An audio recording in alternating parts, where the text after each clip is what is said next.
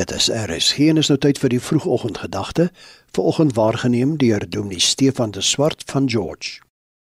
Vrede vir elkeen. My onderwerp, 'n genesende verhouding met die Here.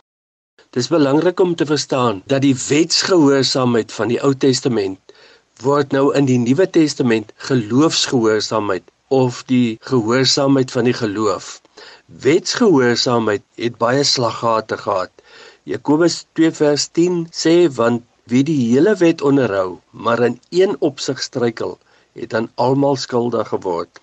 Romeine 7 vers 5 want toe ons nog in die vlees was, het die sondige hartstogte wat deur die wet kom in ons lede gewerk om vir die doodvrugte te dra. Vers 8 die sonde het aanleiding gevind deur die gebod. Vers 9 tot 11 borduur voort op hierdie tema. 1 Korintiërs 15:56 en die krag van die sonde is die wet. Geloofsgehoorsaamheid weer neem die spanning weg dat jy telkens geweeg en te lig bevind sal word. Dat jy telkens deur Jakobus 2:10 gediskwalifiseer sal word. Dat jy aan mekaar veroordeel sal word, onwaardig bevind mag word. So klink geloofsgehoorsaamheid. Handelinge 6 vers 7 en die woord van God het toegeneem en 'n groot menigte van die priesters het gehoorsaam geword aan die geloof. Romeine 1 vers 5 sê Paulus het apostelskap ontvang om geloofsgehoorsaamheid te verkry onder al die heidene. Romeine 15 vers 18 en 16 vers 26 sê dieselfde.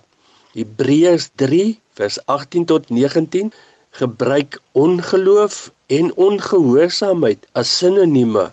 Ook Johannes 3 vers 36 en 6 vers 28 tot 29.